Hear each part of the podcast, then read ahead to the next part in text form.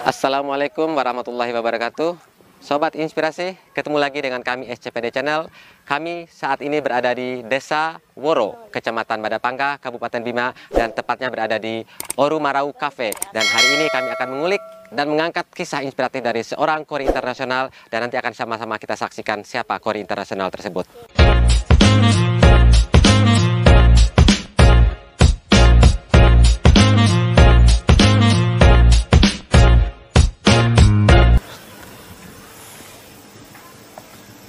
أعوذ بالله من الشيطان الرجيم.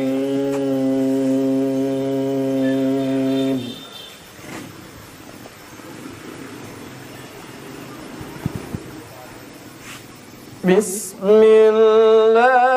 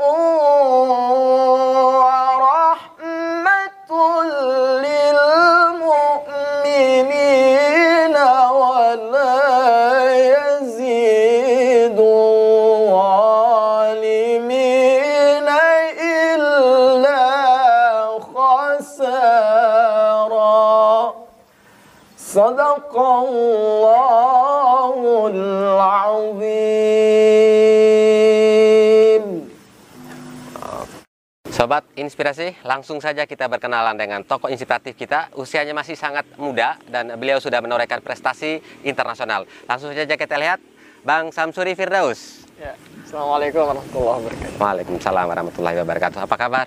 Alhamdulillah. Baik. Baik. Manggilnya apa biasanya nih? Enaknya nih? Eh, same aja. Sam aja. Ya, terserah. Manggilnya Sam ya? Sam ya. Oh, seperti orang Amerika saja ya.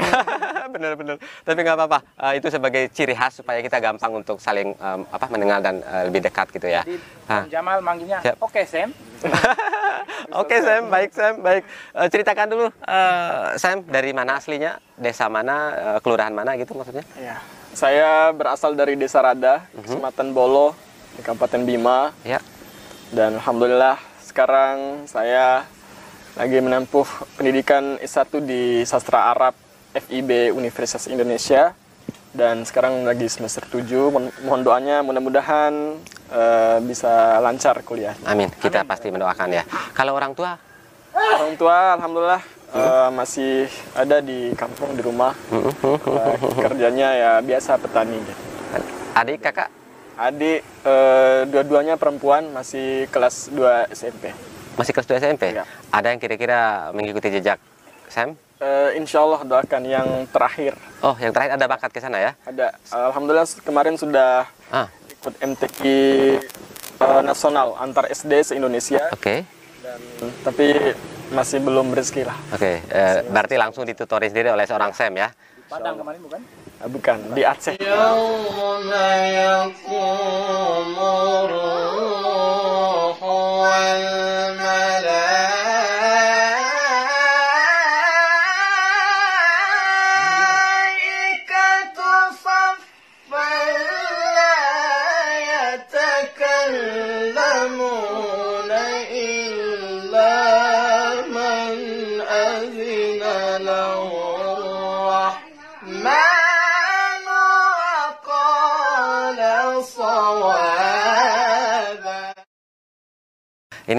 Eh, sobat inspirasi, mungkin eh, sobat juga penasaran nih dengan sosok Samsuri Firdaus yang saat ini sedang melaksanakan eh, apa menyelesaikan studinya di Universitas Indonesia. Ada nggak sih kira-kira sosok eh, di luar keluarga maksud saya sebagai penyemangat seorang Sam? Ya tentunya banyak. Karena saya backgroundnya di bidang eh, Al-Quran, Ya, jadi saya mempunyai motivasi eh, dari banyak kori. Oke. Ya salah satunya ya seperti yang kita ketahui bersama itu kori legendaris Indonesia itu namanya Haji Muammar. Beliau sudah menorehkan prestasi internasional juga. Ya betul. Dan mudah-mudahan saya bisa mengikuti jejak beliau, bisa jadi kori internasional nanti pas dewasa dan juga bisa membangun pondok pesantren buat Amin. anak-anak di sini Amin. Belajar Al-Qur'an. Insyaallah mohon Amin.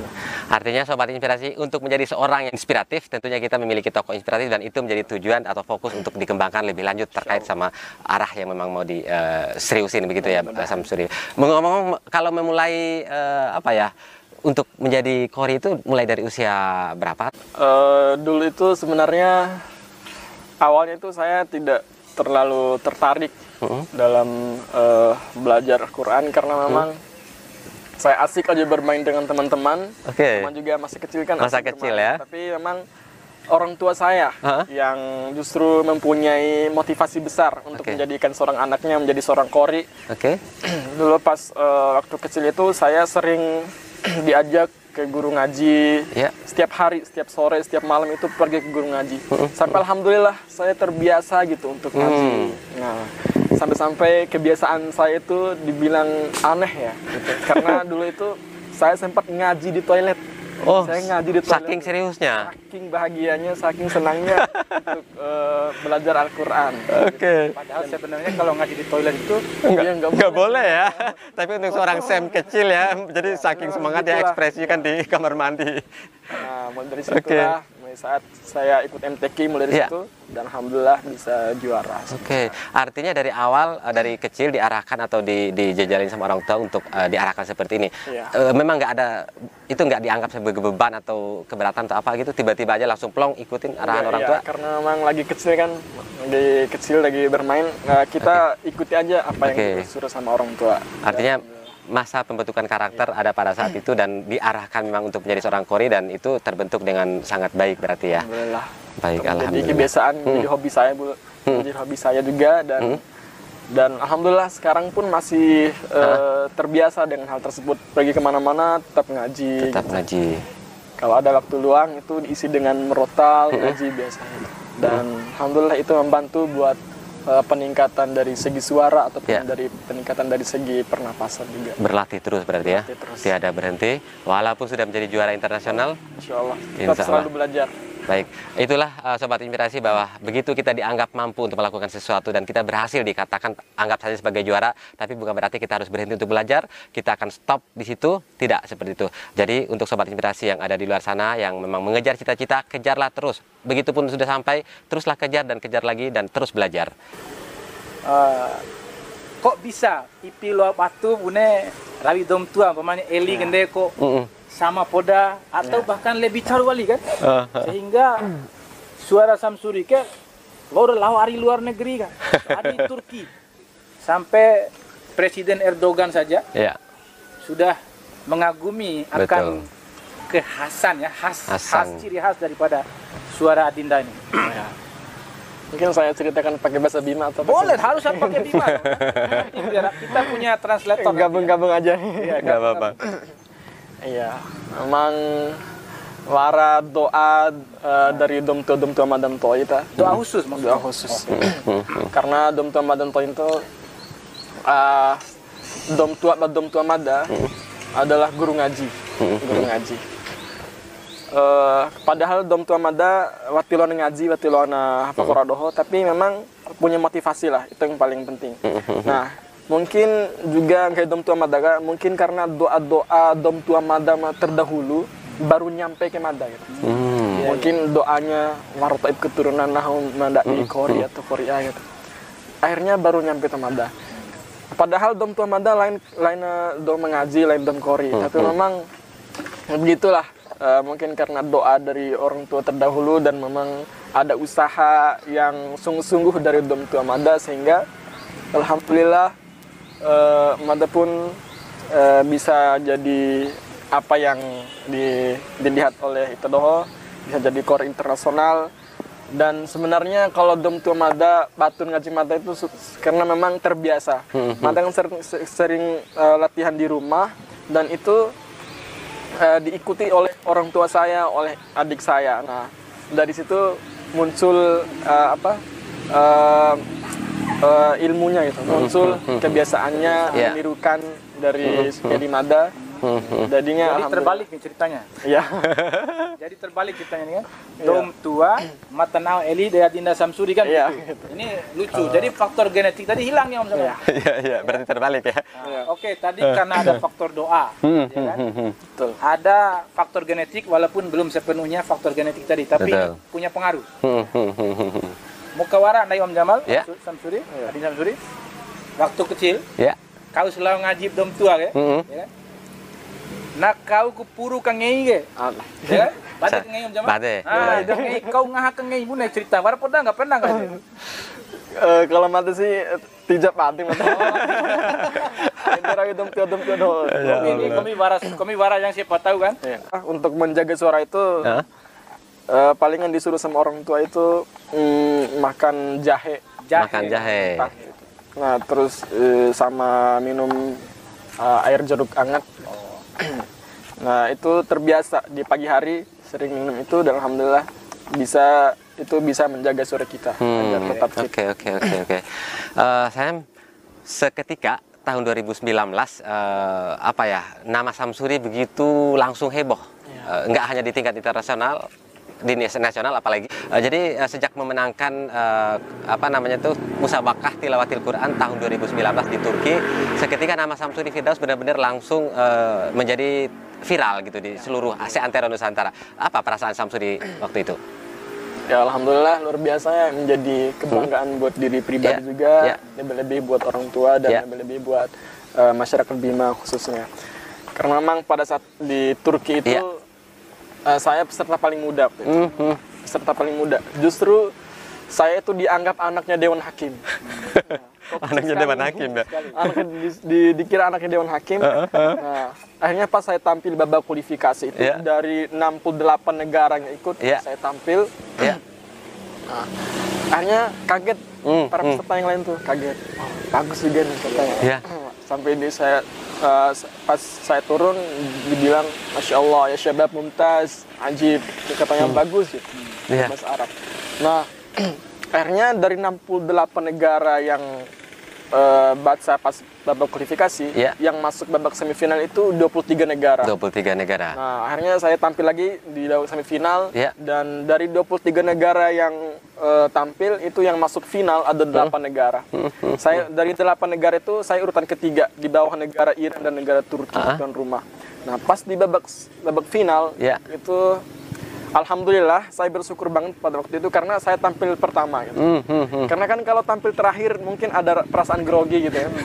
grogi Jadi percaya diri sekali ya. uh, mendengarkan peserta yang lain tapi karena memang saya tampil pertama jadi slow gitu, relax tampilnya. Jadi alhamdulillah nggak ada beban dan juga sebenarnya saya tampil waktu itu tuh nggak ada niat untuk mendapatkan juara apa pun. Tapi memang karena mem- uh, waktu itu saya hanya berniat pergi jalan-jalan, pergi mencari pengalaman. Jadi nggak ada beban ya. Iya. Dan lebih-lebih itu penampilan saya saya hadiahkan untuk orang tua. Dan memang kuasa Allah memang udah takdir saya pas di malam penutupan, alhamdulillah saya diumumin juara satu gitu. Luar biasa eh, terharu banget waktu itu Terharu ya. karena pas saat saya menerima penghargaan dari eh, Presiden Erdogan eh, saya langsung nangis waktu itu. Hmm, hmm. Nangis saya ya Allah. Nggak nggak terpikirkan gitu. Nggak eh, pokoknya nggak terbayangkan sebelumnya bisa bertemu langsung dengan Presiden, Presiden Erdogan, Erdogan. bisa eh, menjuarai MTQ internasional. Hmm, itu suatu hal yang tidak terpikirkan sebelumnya tapi memang sudah qadarullah sudah Hmm, rezeki saya alhamdulillah dan pada saat itu eh, ditanya sama Presiden Erdogan kaifa darastal Quran di Indonesia bagaimana anak-anak Indonesia itu belajar Al-Quran kok Hmm. Ya. bisa setiap kali MTQ internasional pasti juara selalu menjadi juara. Indonesia itu menjadi nominasi Ya. setiap MTQ internasional itu memang eh, anak-anak Indonesia itu mempunyai kebiasaan khusus, mempunyai ciri khas yang Hmm. khusus lah. Itu dari segi suaranya kalau berlaga di MTQ internasional. Hmm, Dan alhamdulillah saya menjawab hadza min fadli rabbi. Ini merupakan anugerah karunia Allah Subhanahu wa taala yang diberikan kepada saya. Saya jawab gitu dan alhamdulillah beliau langsung peluk saya dan saya turun, saya kasih kabar ke orang tua dan orang tua saya pun nangis sujud syukur alhamdulillah gitu kan nah ternyata pas pulang dari Turki nyampe ke Indonesia ternyata sudah viral gitu Viral banget banget. belum saya nyampe di kosan baru di, ban- di bandara, Bandara. sudah ada mobil dari Indosiar yang jemput hmm, hmm, hmm. akhirnya belum belum mandi belum apa gitu kan Ya. akhirnya langsung pergi ke Indosiar itu eh, apa untuk mengisi acara aksi Indosiar Asal Indosiar ya, betul. nah ditanya sama artis-artis Hostnya ya, iya, iya. sampai-sampai eh, teman saya yang eh, temani saya waktu di Indosiar itu bertanya, Sensuri, itu kan ada artis-artis yang mondar mandir tuh. Kok kamu nggak minta foto? saya bilang aja, Iya. Kita kan sama-sama artis. udah udah viral juga ya. Jadi ngapain minta foto? Saya bilang gitu. Nah, pada malam itu ternyata ditonton langsung oleh Presiden Jokowi. Betul. Hmm. Malamnya saya tampil di Indosiar, paginya saya diundang ke Istana Negara. Istana Negara. Ya, itu diundang kedua kalinya. Diundang oleh Negara. Jokowi. Diundang Oh, itu teman-teman saya itu Jokowi itu. Oh gitu ya. alhamdulillah. Ya. Nah, pas di Istana Negara saya dikasih uang itu alhamdulillah uang itu saya gunakan untuk mendaftarkan haji ke orang tua. Dan luar biasa banyak berkahannya Hmm, hmm, hmm, sampai di Gubernur NTB Hmm. itu dikasih umroh gratis bersama orang tua. Terus di Pemda Kabupaten Bima dikasih uang itu 70 juta sama motor seperti itu. Masya Allah. Nah, dari Kapolda NTB pun ditawari jadi perwira polisi. Tapi karena saya eh, sekarang lagi kuliah, takutnya terbebani atau Iya. apalah nantinya, Iya. jadi saya belum bisa menerima. Mungkin Oke. kalau tawarannya masih ada, insya Allah saya akan terima. Ya. Ada niat, kuliah, ada, ada setelah niat setelah kuliah. kuliah yang pasti ya. Mudah-mudahan aja. Kalau saya justru mendorong nih, Ah, seandainya dia masih ada tawaran setelah selesai Iya. sekolah menjadi perwira polisi, Hmm. tentu ini sangat bagus ya pastinya. untuk menjadi imam mungkin di Iya. kepolisian Iya. sekaligus uh, gitu. menjadi bagian daripada kepolisian yang bersyariah nih. Betul. Iya. Membawa suasana baru khususnya ya, berharapnya begitu. bagi penegakan hukum Betul. di Indonesia. Amin, amin. Amin, Doanya amin. lah mudah-mudahan Amin, amin. Hmm. dikasih kemudahan oleh Allah Subhanahu Wa Taala Hmm, hmm. buat berkarir nantinya. Amin, amin, amin. Eh, tapi sebelumnya kan eh, pasti udah melewati babak, eh, sorry bukan babak, tingkat demi tingkat dalam mengikuti ajang eh, lomba seperti itu. Eh, kalaupun terakhir akhirnya menjadi juara MTQ internasional, pasti ada MTQ tingkat eh, nasional. Bisa diceritakan sedikit eh, pengalaman di MTQ nasional? Ya. Kan memang betul karena kan Hmm. kita tidak langsung masuk ke MTQ Inter karena Betul. harus ada tahapan-tahapan Hmm, hmm. dari awalnya. Saya mau ikut MTQ tingkat desa, Hmm. itu ke- kecamatan, kabupaten, Hmm. provinsi, nasional dan itu juara satu semua. Hmm, hmm, hmm, hmm. Nah, pas mungkin kemarin di di Medan saya juara dua, juara Di Medan dua juara di dua. tingkat remaja Hmm. tahun 2018. Nah, karena alhamdulillah di, yang juara juara satu, juara dua, juara tiga itu Hmm. dipanggil oleh Kementerian Agama untuk mewakili Indonesia Hmm. itu untuk MTQ ke apa ke berbagai negara. Hmm. Nah, alhamdulillah jatah saya di Turki. Di Turki. Yang juara satu itu jatahnya di negara Bahrain Hmm. dan yang juara tiga itu ne- eh, di negara Brunei Darussalam Hmm. gitu. Jadi memang ada tahapan-tahapannya dan memang itu harus eh, masuk final Hmm. gitu, untuk masuk ke tingkat-tingkat ke atas.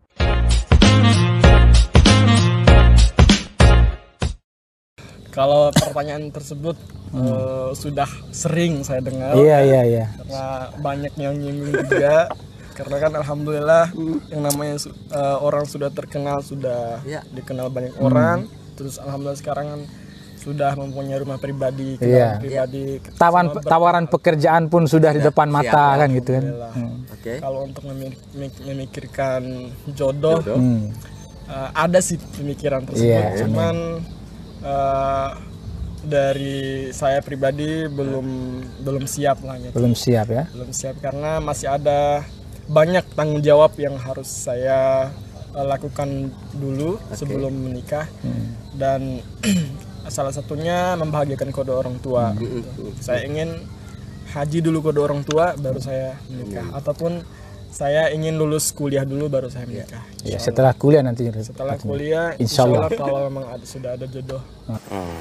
Gitu sih. Oke, kalau dari cerita eh, maaf kita harus bilang sukses kan, memang tidak tidak ada kata lain selain kata sukses. Dari berbagai eh, penghargaan, dari berbagai kisah sukses seorang Samsuri Firdaus, pernah nggak merasa ya sebagai manusia mungkin wajar lah merasa bahwa ada saatnya di mana kita merasa down atau di mana kita mungkin merasa eh, putus asa sejenis seperti itu. Pernah ada rasa seperti itu untuk seorang Samsuri Firdaus? Uh, pernah Oke, saat apa itu?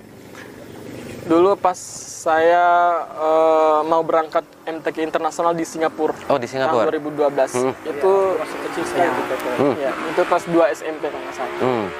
Itu saya ceritakan sedikitnya ada Ya. pengalaman yang membuat hati saya itu uh, berat gitu Hmm. karena dua hari sebelum berangkat ke internasional saya sempat uh, ngaji istilahnya kalau dalam bahasa Bima itu ngaji jangkol gitu Ngaji jangko. pergi haflah Ah, ah, ah. pergi haflah gitu kan. Nah pada saat itu kan biasanya kalau setelah ngaji itu dikasih bisyarah ataupun amplop gitu kan. amplop. Wallahu a'lam saya nggak tahu di dalam amplop itu uang palsu gitu. Ternyata memang uang uang palsu di dalam amplop itu. Uang Nah, palsu. Saya kasihkan amplop itu ke orang tua saya, ke ibu saya, dan ibu saya membelanjakannya di pasar gitu. Nah, Pas di pasar, ibu saya mau beli barang, diketahui sama orang bahwa ini tuh uang palsu gitu. Akhirnya dari penjualnya eh, menyeret ibu saya ke kantor polisi. Astaga. Kantor polisi. Padahal itu dua hari sebelum saya berangkat ke Singapura.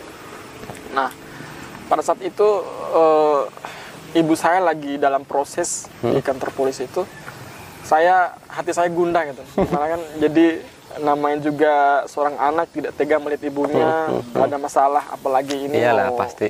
berangkat gitu, mau kompetisi. Luar biasa, Eh, sobat inspirasi. eh, apa ya? Saya sampai speechless mau ngomong karena tadi sempat berkaca-kaca. Eh, tapi yakin saja sobat inspirasi bahwa Tuhan tidak semacam eh, tidak memberikan ujian begitu saja kepada hambanya dan pasti eh, Tuhan sudah menyiapkan sesuatu yang indah di belakang eh, hari seperti yang pengalaman eh, Ustadz Samsuri Firdaus di balik ujian, di balik eh, tempaan yang memang sempat ditimpakan kepada beliau, tapi ternyata ada hadiah terindah dari Tuhan menjadi juara dan hal-hal positif lainnya. Sam, dalam pembentukan karakter eh, ngaji dari seorang Samsuri Firdaus tentunya ada seorang yang sangat berjasa di belakang semua itu yaitu seorang guru. Siapakah beliau itu bisa disebutkan? Ya, alhamdulillah eh, guru-guru saya eh, banyak sebenarnya.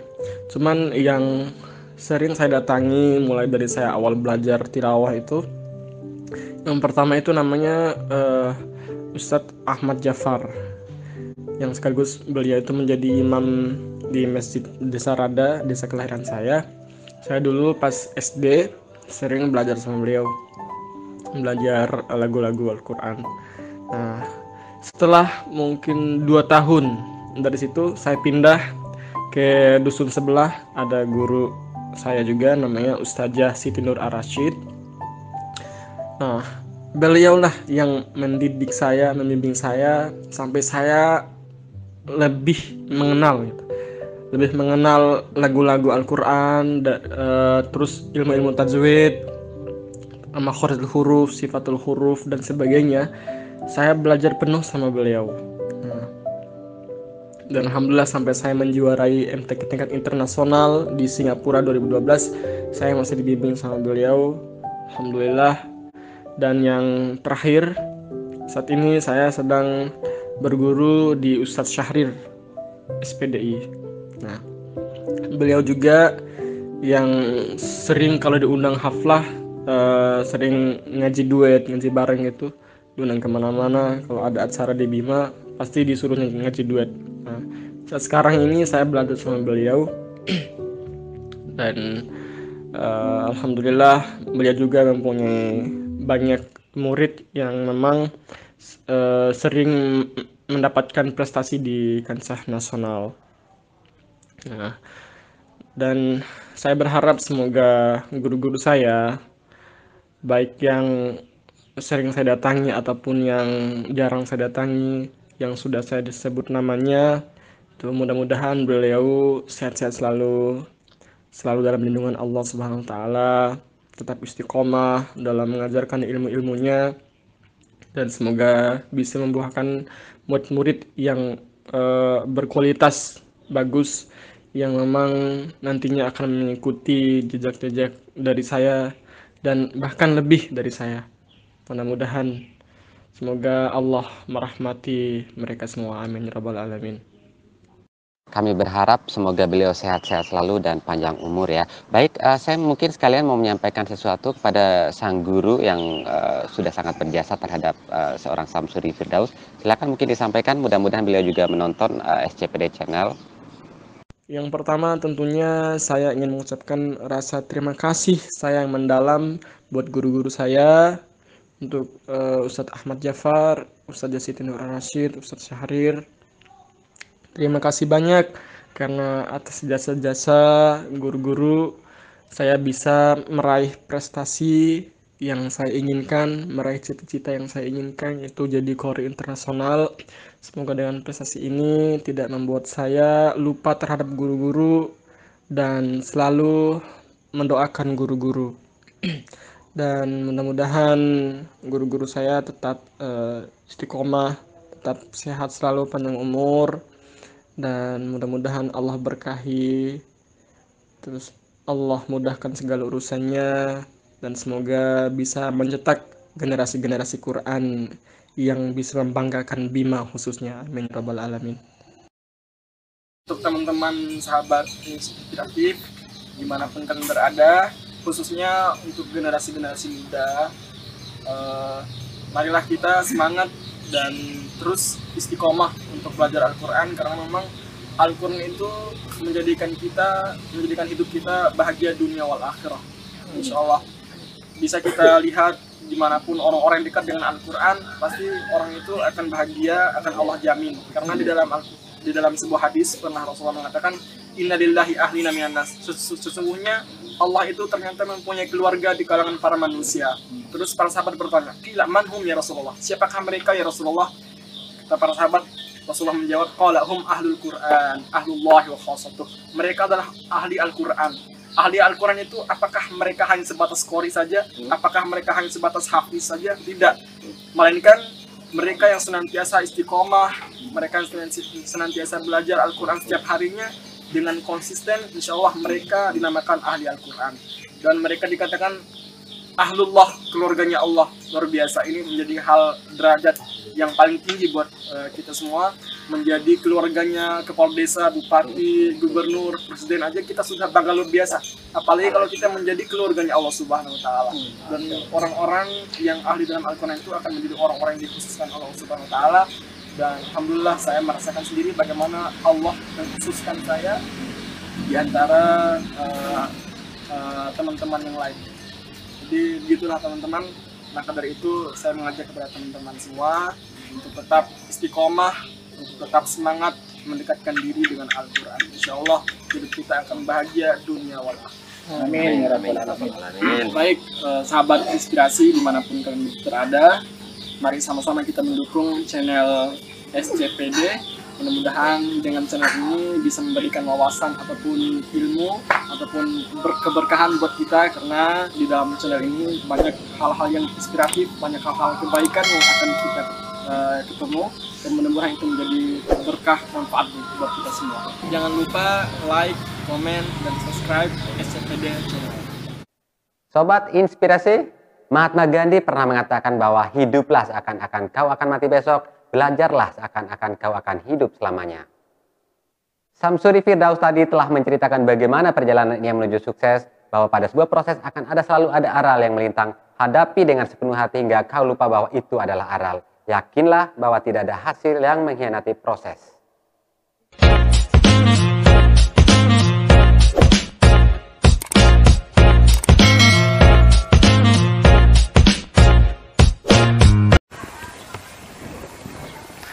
Sobat Inspirasi, kembali lagi kami sudah berada di Kota Bima, Provinsi Nusa Tenggara Barat dan kami sudah berada di kediaman Bapak Wali Kota Bima, Bapak Haji Muhammad Lutfi. Kita akan langsung berbincang dengan beliau. Namun sebelumnya, kami meminta kepada Sobat Inspirasi kalian untuk langsung subscribe channel SCPD Channel yang ada di YouTube dan layanan kami bisa disaksikan juga secara streaming di Spotify dan juga Apple Podcast.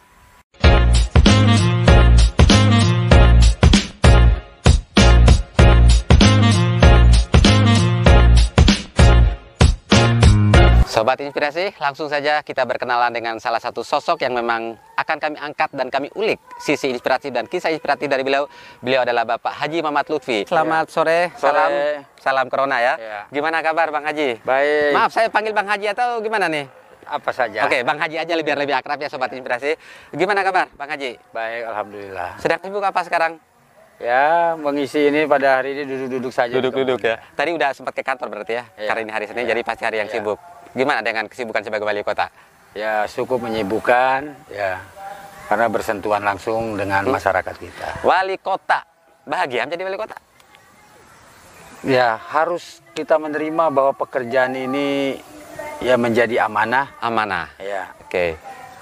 Sebelumnya menjadi DPR, lebih enak DPR atau menjadi wali kota? kalau dikatakan lebih enak jadi DPR RI. Ini kan sudah menjadi satu eh, apa namanya tuntutan kita ingin Hah? mengabdi untuk masyarakat. Oke, berarti eh, menjadi wali kota lah bagian dari pengabdian kita sebagai eh, generasi yang ada di Bima berarti ya. Lalu berikutnya, coba deh gambarkan dulu sosok eh, Bang Lutfi. Coba gambarkan dalam tiga kata aja, tiga suku kata. Singkat saja. Ya pada intinya bagaimana kita untuk melayani masyarakat kita yang terbaik. Baik, jadi memberikan layanan yang terbaik. Luar biasa. Baik Sobat Inspirasi, kita langsung explore sosok beliau lebih jauh lagi. saya saya kalau melihat Bang Haji ini gimana ya berasanya ada kebanggaan tersendiri terus ada perasaan kayak begitu menemu beliau ini ada antusiasme yang sangat luar biasa. Apa energi yang Abang coba bagi kepada semua orang termasuk saya mungkin? Ya kita bagaimana membuat orang itu senang. Artinya dengan ucapan, tutur kata, Hmm? dan seceria mungkin lah. Seceria mungkin ya. Ya. Oke, Abang lahir di mana sebenarnya? Saya lahir di Kota Bima, Asli di Kota Bima. Ya, Tahun berapa kalau boleh di bagi? 1971, 1971 berarti udah usia masuk ke 50-an ya 49. Oh 49 hampir 50 berarti gimana Eh, merasa usia udah segitu udah usia tua atau merasa udah, udah masih muda Ya kita tetap harus berjiwa muda. Siap baik baiklah sobat inspirasi kita mulai dari sosok Lutfi dulu deh Lutfi kecil seperti apa bisa diceritakan Lutfi kecil seperti apa dulu Ya saya dibesarkan di Kota Bima sampai usia 3 tahun. sampai tiga tahun di kota Iya. Bima sampai tiga tahun Usia saja tiga lalu tahun. Setelah itu hijrah ke Jakarta. eh, mengikuti Orang tua. orang tua oke bukan dikirim oleh orang tua untuk sekolah di Tidak. sana mengikuti orang tua yang memang bertugas di sana Bertugas di masa kecil lalu meningkat ke masa remaja berarti di Jakarta juga Terus di Jakarta. remaja itu masih ada nakal-nakalnya nggak sih orang Lutfi dulu Ya wajar sebagai anak muda terus terang Oke. ya. Ya masa itu harus dilalui. masa itu lalu ya oh ya sobat inspirasi sebelumnya juga saya ingin memperkenalkan saya didampingi oleh eh, rekan saya Bang Irwansa silakan mungkin mau menyapa dulu Ya, saudara-saudara atau pemirsa, saya juga diajak Bang Jamal untuk ikut nimbrung mengobrol dengan kakanda saya, abang saya, Bapak Wali Kota Bima Muhammad Lutfi. Ya. Mudah-mudahan dari beliau saya juga bisa dapat oke inspirasi tambahan. nanti kita sama-sama korek ya Eh, Oke, kita siap. sama-sama ulik nih eh, sisi inspiratif apa yang kita dapatkan dari seorang Muhammad Lutfi ya Siap. baik lanjut ke masa SMA masa SMA di Jakarta juga berarti Nah, saya SD, SMP, SMA, kuliah di Jakarta. di Jakarta oke semasa SMA aktif berorganisasi kah Ya hanya ikut di OSIS saja. di OSIS saja lalu berlanjut ke kuliah Ber- kuliah. mungkin kuliah lebih ekspresif lagi dalam hal organisasi berorganisasi lagi. di mana saja itu organisasinya Ya, organisasi di Senat Mahasiswa, Oke. organisasi juga di Ekstra Mahasiswa. Oke. Eh, ada ngaruh nggak dari eh, kegiatan berorganisasi seperti itu yang membentuk karakter seorang Lutfi? Sangat penting berorganisasi. Di situ akan ditempa tentang Oke. leadership kita. Oke, leadership berarti banyak belajar dari organisasi, Organisasi. bukan dari bangku kelas. Tidak. Oke, kalau di dalam kelas apa yang Pak Aji bisa dapatkan mungkin dalam dalam menunjang eh, pembentukan karakter seorang Lutfi? Ya pertama di sekolah kita dididik tentang keilmuannya Mak. Hmm, sesuai hmm, dengan hmm, hmm, hmm. jurusan kita yang kita ambil. Oke, oke, oke. Nah, eh, pasca kuliah, kami lebih mengenal sosok Muhammad Lutfi sebagai seorang pengusaha ya. Eh, belum mengenal waktu itu sebagai orang anggota DPR, apalagi sekarang menjadi wali kota. Eh, pengusaha apa pengusaha merintis sendiri kah dulu atau eh, warisan dari orang tua mungkin untuk usaha seperti itu? Merintis sendiri. Merintis sendiri. Apa Nah. aja usahanya waktu itu? Ya usaha macam-macam. Hmm. Yang penting kita ini berusaha Oke. barang yang halal. Mhm. ya. Yang penting ada jujur usaha Mhm, itu. mhm, Modalnya mhm. trust. Oke. Nah usaha merangkak dari bawah. Berangkat dari bawah Nah benar. usaha ini dimulai juga di masa saya kuliah. Oh berarti jiwa kewirausahaan itu ditempa dari masa, kuliah. Luar biasa Bang Irwan ya. Jadi di kuliah itu kita sudah berjualan, Oke. jualan celana, jualan Oh. sepatu. Oke. Yang Nggak ada malu. Tidak ada yang penting. Gengsi kali kan anak muda masa jualan di kampus Bang. Enggak, enggak jualan di kampus. Di mana? Jadi di kampus itu jualan ya Oke. lipstick ke Oh, teman-teman. gitu. Jadi ambil dari pasar ular, jual ke sana. Oh gitu. Luar biasa Sobat Inspirasi. Ini adalah salah satu contoh di mana kita memang nggak boleh berpangku tangan. Kalaupun memang kita diberikan kesempatan untuk kuliah, silakan berkuliah. Tapi boleh melatih diri untuk eh, jiwa entrepreneur supaya lebih bangkit lagi ya. Baik, eh, habis dari pengusaha, lanjut lanjut ke mana tuh? Nah, setelah saya merintis berbagai usaha, Mhm. mulailah mendirikan ya eh, usaha eskalator tangga jalan, Eskalator tangga jalan. Oke. Nah, begitu juga membuat perusahaan yang bergerak di bidang IT, Bidang IT juga. media massa, Media massa ya. juga. Nah, merambah di sana. Nah, setelah itu di tahun 2024 2004 Oke. saya mencalonkan diri DPR Mencalonkan RI. diri. Gagal. Oh, du- per- pertama kali berarti gagal, Gagal. nggak langsung lolos. Ya, karena sistem kita waktu Oke. itu masih nomor urut. Oke, nggak kapok. Nah, coba lagi. Oh, coba lagi. 2009 alhamdulillah terpilih 2009 berarti pada percobaan kedua Ya, dapat terpilih. terpilih ya. dengan suara terbanyak. Suara terbanyak untuk dapil Dapil NTB. Dapil NTB, bagaimana bisa abang mengambil hati orang NTB? Sementara abang besar dan eh, mungkin menghabiskan masanya di Jakarta waktu itu. Nah, karena hidup di Jakarta ini kita banyak kultur budaya. Mhm, mhm, Ya, kita membawa diri ya bagaimana menyatu dengan masyarakat kita.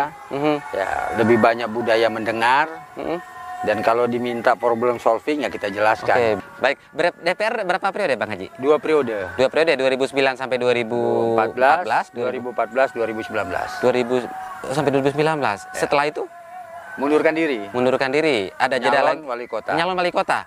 Ada jeda berarti waktu itu tuh berhenti dulu atau Enggak, Mundurkan- langsung kita mengundurkan diri langsung mundurkan diri. 2018. Baik. Nah, waktu menjadi DPR, anggota DPR dulu, Les, apa tantangan yang paling besar?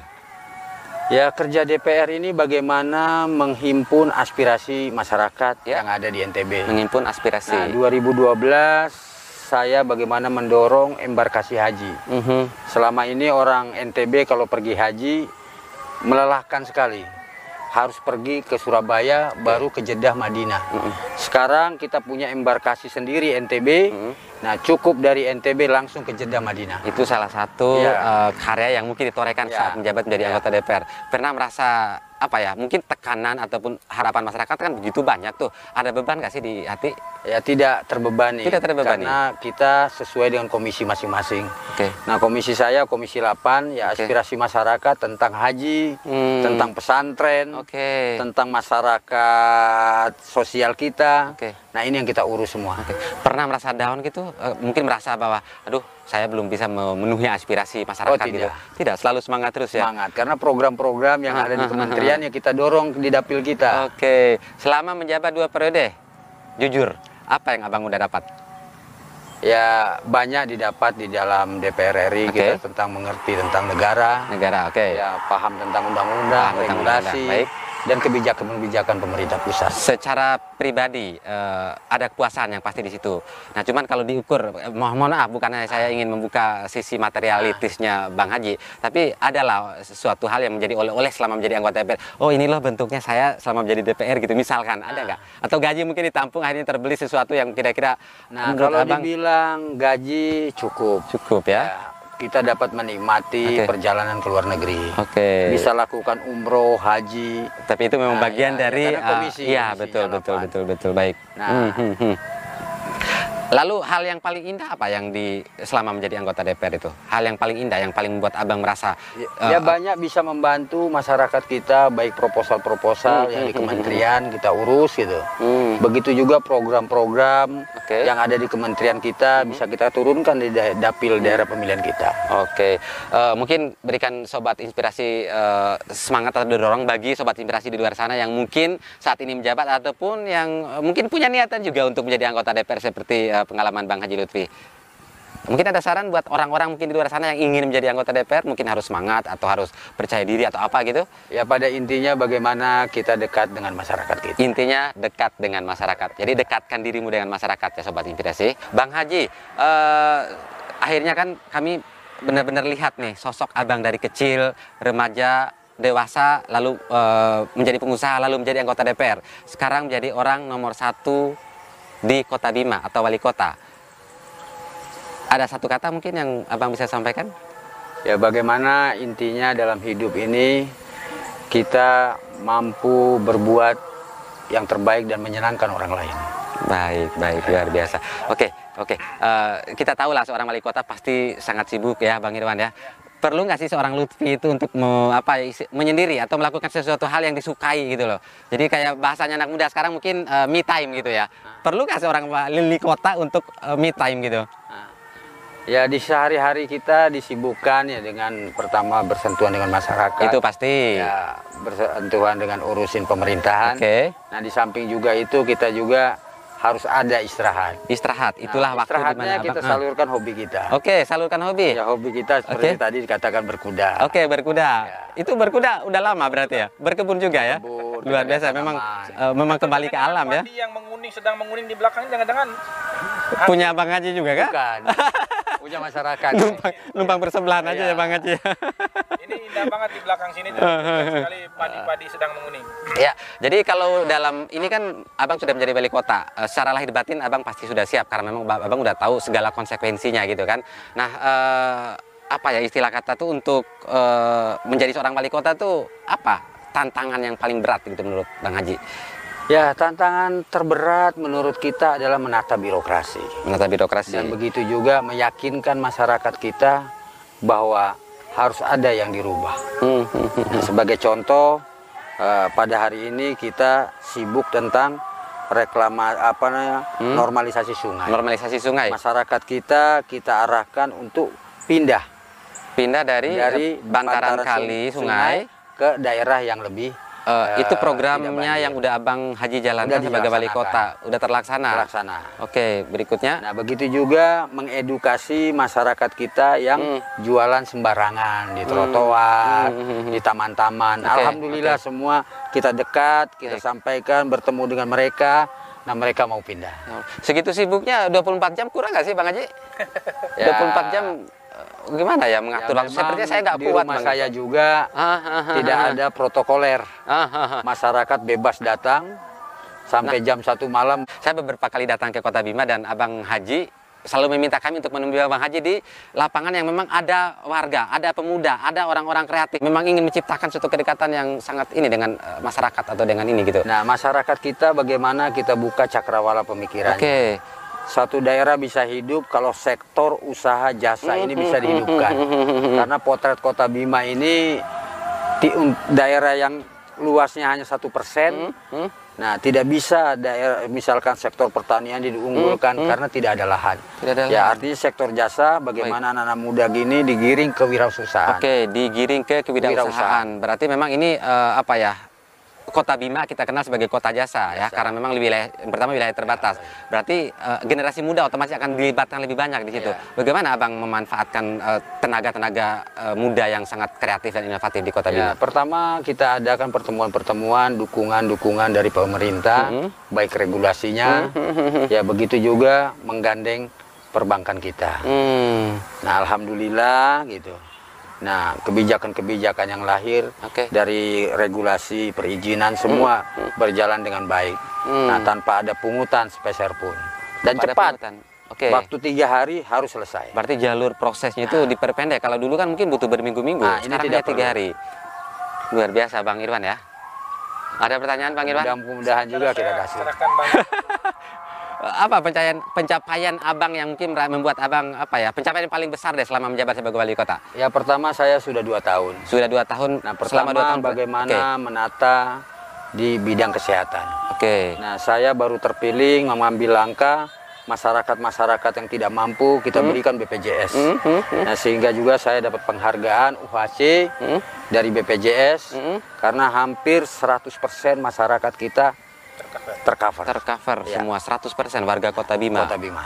Kalau dari segi apa cita-cita atau harapan sebagai seorang wali kota nih, apa kira-kira pencapaian yang ingin abang dapatkan lagi nih? Mungkin setingkat lebih tinggi atau Nah, sesuatu hal yang menjadi keberhasilan kita Oke. sebagai pimpinan daerah pertama bagaimana meningkatkan taraf ekonomi taraf masyarakat ekonomi masyarakat. Dan saat ini menurut abang Haji Dan udah memberikan pelayanan, Oke. kesehatan, pendidikan dan menciptakan lapangan kerja. menciptakan apa? Itu penting sekali ya, Ya. sebagai kunci Ya. supaya generasi-generasi yang tadinya berlebihan ini bisa mendapatkan tempat untuk berkreativitas ya. Luar biasa Bang Haji. Oke, eh, terobosan pasti seorang pemimpin eh, dituntut untuk memiliki terobosan, Ya, ya kan? ya. Abang mau bawa apa Bima ke depan atau terobosan apa yang mau abang eh, tawarkan untuk sisa masa kepemimpinan abang selama berapa tahun lagi nih? Masih ada berapa tahun lagi? Masih ada tiga tahun. Tiga tahun lagi, berarti masih banyak dong terobosan yang ingin didapatkan. Kira-kira apa itu? Nah, pertama kota ini pernah dilanda banjir di 2016. Betul. Nah, bagaimana Oke. kita hari ini menormalisasi sungai? Oke, berarti mencari solusi Ya. untuk normalisasi Nah, sungai. Kita tahu bahwa APBD kita tidak sanggup. Oke, Nah, artinya kita minta bantuan soft loan Mm, mm. dari JK Mm, Jepang. mm. Alhamdulillah ditata dua sungai ini. Hmm, sungai oke. Melayu dengan Sungai Pedolo. oke, Nah, begitu juga dalam program untuk mengatasi banjir dan kekumuhan. Hah? Nah, kita minta bantuan dari World Bank. apa bentuknya itu nanti? Ya, ini udah dilaksanakan di daerah Rontu, Ya. di Rabadompu. Oke, Nah, ke- skala kawasan ditata habis. ditata habis menjadi kawasan yang memang lebih Yang memang layak. lebih layak ya, Ya, eh, sebagai artinya satu kota. seperti tadi mungkin pernah dilanda banjir ya dengan pembangunan atau penataan yang baru ini akan terhindar dari banjir ya. Ya. Baik, baik. Itu yang kedua. Yang ketiga ada lagi Nah, kita buat kota ini sesimpel mungkin. sesimpel mungkin. sesederhana mungkin dalam melayani masyarakat. Oke, berarti Jadi eh, kemudahan-kemudahan. kemudahan ya. Baik. Makanya kita Hmm. siapkan IT Hmm. sebagai ujung tombak dari Betul. pelayanan pemerintah. Betul. Kita IT. siapkan comment center Hmm, hmm. yang terintegrasi Baik. antara OPD dengan masyarakat kita di bawah. Hmm, hmm, Baik itu dalam pelaporan sampah yang kotor langsung terdeteksi di dinas DLH. Hmm. Begitu juga ke depan kita set up ada gangguan apa pun dilaporkan. Nah, Belambir bergerak dengan cepat, Hmm. Luar ambulan bergerak cepat. Oke. Nah, di daerah-daerah pinggir disiapkan oleh kita ambulan-ambulan. Ambulan. Ya, sudah kita- udah- Oke, udah disiapkan. Baik. Nah, begitu juga di beberapa kelurahan kita siapkan rumah aspirasi. Hmm, hmm, Apa yang menjadi aspirasi-aspirasi masyarakat itulah yang kita tangkap. Hmm. Nah, kita konekkan dengan OPD-OPD dinas-dinas Oke. terkait. Sehingga betul-betul ada daerah-daerah yang tergarap Hmm, mempunyai keunggulan prioritas di daerah masing-masing. Oh, jadi harapannya masing-masing wilayah yang ada di kota ini punya keunggulan tersendiri, tersendiri. artinya menjadi ciri khas. Nah, misalkan di daerah Misal, Tobo, itu Tobo. daerah tenunan. Betul, oke. Nah, di sinilah kita dorong bantuan-bantuan dan diedukasi oleh Oke, Dinas Koperindak, luar biasa. nah, pariwisata Mhm. untuk produknya jenisnya seperti ini loh. Oke. Nah, sehingga eh, kehalusan kain, Oke. corak, warna dan lain-lainnya. Contohnya Nah, sehingga daya kota, jualnya semakin baik. Nah, misalkan di daerah Kolo kita dorong Kolo. jadi destinasi wisata. Destinasi wisata, Nah, mulai kita bangun hari ini rumah joglonya Oke. apa pantai ditata sedemikian Oke. rupa. Begitu juga di pinggir daerah Lawata Mm-mm. yang sekarang mulai dikunjungi. Mm-mm. Jangankan orang tertarik untuk masuk Saya di situ. saya ingat benar. Nah, hari ini semua pengen pergi ke Lawata, Hmm, menikmati hmm, hmm. Teluk Bima. Oke, berarti ada perubahan yang sangat signifikan ya, Bang Haji begitu diarahkan sama Bang Haji untuk menjadi sesuatu. Kalau di tengah kotanya sendiri apa ininya tuh? Ya di tengah kota kita ada kebijakan yang kita lakukan dana kelurahan. Dana kelurahan. Nah, dana kelurahan ini didorong 40% Mm, mm. untuk pemberdayaan, 60% untuk eh, yang lainnya. Oke, kalau saya perhatikan di Kota Bima, hampir di setiap kelurahan itu ada kafe yang menurut saya eh, mem- menghidupkan eh, lingkungan setempat, terus menjadi tempat juga bagi orang-orang mungkin yang tadinya suka nongkrong gak jelas, akhirnya mendapatkan tempat untuk mengaktualisasi. Mungkin ada yang bermusik, mungkin ada yang eh, diskusi segala macam. Jadi itu konsepnya gimana? Sehingga kayak hampir setiap kelurahan tuh punya kafe tersendiri Ya, gitu. Memang anak eh, masyarakat kita mulai menjamur kafe-kafe yang yang representatif Representatif. Dengan menu-menu sajian yang tidak Hmm. kalah. Baik. Nah, ini ada geliat yang luar biasa. Hmm. karena semangat yang dibangun hari ini bagaimana Hmm. untuk menjadi new entrepreneur. New entrepreneur Nah, ya. di kalangan pemuda semua Ya, rata-rata ya, ini. Ya, ya, ya, ya. Nah, berbagai terobosan UMKM yang dilakukan. Hmm. Nah, begitu juga kita sudah melangkah membuat BUMD, BUMD. Badan Usaha Milik Daerah. Sebelumnya saya belum pernah Tidak dengar. ada sama sekali. Oke, berarti dari tahun tahun ini sudah dibentuk. Sudah dibentuk dan sudah dialokasikan Sudah dialokasikan anggaran Dan untuk dilak- pengurusnya sudah kita Oh, kukuhkan. Sudah dikukuhkan. Ya. Apa udah di udah di ini apa resmikan belum? Sudah, sudah. Sudah, udah terpilih ya. Terpilih. Siapa sosok itu? Nah, ini Rangga Babuju. Rangga Babuju. Ya. Oke, berarti Rangga Babuju yang eh, sosok inspiratifnya sudah kami angkat di episode sebelumnya ya, sobat inspirasi. Baik, eh, dengan jelimetnya, dengan segala macam keriwehan sebagai seorang wali kota, eh, Mojo itu seperti apa sih di benaknya Bang Haji Lutfi? Ya, masyarakat Bima ini sangat sederhana. Sangat sederhana. Dia menginginkan adanya sentuhan-sentuhan. Sentuhan. Seorang kepala daerah Oke. ya bisa memberikan satu masukan-masukan bagi masyarakatnya. Jadi harapan-harapan masyarakat harus mampu juga kita tangkap. Nah, sehingga masyarakat kita merasa bahwa inilah pemimpin kita. Wih, luar biasa. Luar biasa ya Sobat Inspirasi. Oke Bang Haji, kalau untuk eh, kita tahu deh Bang Haji walaupun besar mungkin dari SD udah di Jakarta, tapi darah Bimanya kan mengalir tuh. Eh, Sobat Inspirasi ingin memberikan tantangan kepada Bang Haji. Eh, bisa dalam bentuk eh, nyanyi mungkin, atau ke patung bojo mungkin, atau mau atraksi sedikit mungkin yang menggambarkan bahwa abang itu boleh gak tahu juga. Yang penting menggambarkan itu sebagai ini saya ini Bima gitu loh.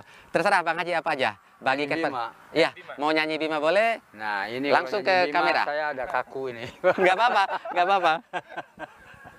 ya, karena biasanya lagu berbahasa Indonesia dan bahasa Bima saya belum sebaik mungkin. Kita tantang sobat inspirasi lagu Bima ya untuk seorang wali kota Bima Haji Muhammad Lutfi. Silakan Bang Haji. Satu satu bait aja deh. Nah, ini saya susah di lagu Bima ini. Nggak apa-apa mana aja. Lagu Bima yang bahasa Bima asli Bang Haji. Kalau nggak lagu kepatu boleh deh.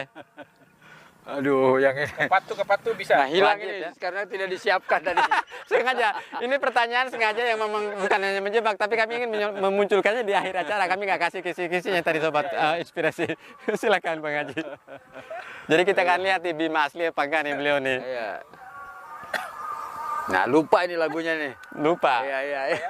Butuh waktu untuk mengingat. Atau perlu diikat dulu. Perlu dekat dulu enggak lah. Atau bagaimana contoh kasih kasih kasih contoh dulu ya sobat inspirasi biar Bang Hajinya jadi agak rileks gitu Iya, untuk mau iya. mengeluarkan bakat tersembunyinya. Juga kalau untuk lagu Bima yang paling saya hafal dulu tentang seorang orang tua yang pergi mendahului. Tapi kayaknya Hmm. mungkin nanti sedih nggak Enggak apa-apa, enggak apa-apa. Enggak apa-apa. Untuk Ah, untuk nyanyi, untuk Irwan. biar biar. Bang, Bang- biar Bang Hajinya agak rileks gitu. Mengenang bapak saya ya boleh. Oh, boleh, boleh, boleh. Karena Siap. beliau adalah tokoh inspirasi juga karena ini bicara inspirasi. Oke.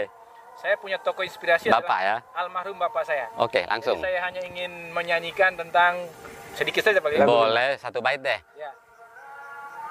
O ama ochi jawe ha baruma mori mata doho iwara iwara labo mori kasih pahu tiwara mapaha Luar biasa. Udah ya dari Bang Irman, sekarang Bang Haji. Nah, saya nih nggak ada hafal lagu Bima. Aduh Bang Haji, nggak apa-apa kali ya. Baik Sobat Inspirasi, nggak apa-apa kita eh, lewatkan dulu sesi di mana Bang Haji kita berikan tantangan. Oke, kalau begitu kita tuntut Bang Haji untuk memberikan inspirasi atau kalimat inspirasi buat Sobat Inspirasi sekalian yang ada di YouTube channel kita. Baik, silakan Bang. Ya, kejujuran dan kesejahteraan, kerja keras merupakan modal Oke, untuk meraih sesuatu. kejujuran, kerja keras, modal untuk meraih sesuatu. Itu saja. Oke, baik Sobat Inspirasi, eh, demikian kulikan kami terhadap sosok seorang Haji Muhammad Lutfi, sang wali kota Bima atau orang nomor satu yang ada di Bima. Mudah-mudahan apa yang sudah kami kulik tadi memberikan inspirasi buat Sobat Inspirasi sekalian. Dan kita tentunya berharap Sobat Inspirasi untuk tetap berada di channel kami. Dan jangan lupa kami ingatkan sekali lagi untuk subscribe, subscribe channel SCPD Channel dan juga bisa disaksikan atau didengarkan live streamingnya di Spotify dan juga Apple Podcast. Sobat Inspirasi, terima kasih. Terima kasih Bang Haji. Sama-sama. Terima kasih Bang Bansa sudah menemani. Siap. Eh, mungkin ada pesan khusus seorang sahabat buat eh, Bang Haji? Eh, pesannya sebenarnya umum ya Oke, nggak Karena apa-apa. berlaku sebagai seorang adik seorang Hmm. sahabat Hmm, dan seorang kakak sudah Oke. pastinya adik itu menasihati yang baik-baik pastinya. Dan- Nama juga nasihat. Ah, bukan mungkin pesan aja ya karena Oke. sudah pasti bahwa Hmm. beliau ini saya tahu rajin sholat Hmm. tapi agar tetap menjaga itu Oke, tetap menjaga Tetap menjaga sholatnya ya. sholat. Baik. kemudian ini kan beliau seorang pemimpin di wali di kota Di Bima. Kota Bima. tentu segala kebijakan itu akan mengalami ah, sedikit pro dan kontra Pasti. Nah, saya berharap ke depan dan selanjutnya Mhm. mudah-mudahan juga periode berikutnya ya. Amin. Tapi bukan kampanye ya, sobat. bukan bukan bukan kampanye tapi intinya saya ingin berpesan kepada beliau di saat mengambil keputusan benar-benar bersandar kepada Allah Subhanahu wa taala Mhm. untuk menentukan langkah yang terbaik apa yang terbaik untuk rakyatnya itu sendiri Hai. itu saja Luar biasa Bang Haji. Diterima dengan baik Ah, nasihatnya. makasih. Luar biasa. Bermimpilah setinggi mungkin, bekerjalah sekuat mungkin, walaupun berkali-kali lelah, bahkan tulang pun mungkin hampir patah. Dan percayalah bahwa keberhasilan tidak akan mengkhianati proses yang Sobat Inspirasi lakukan. Salam inspirasi.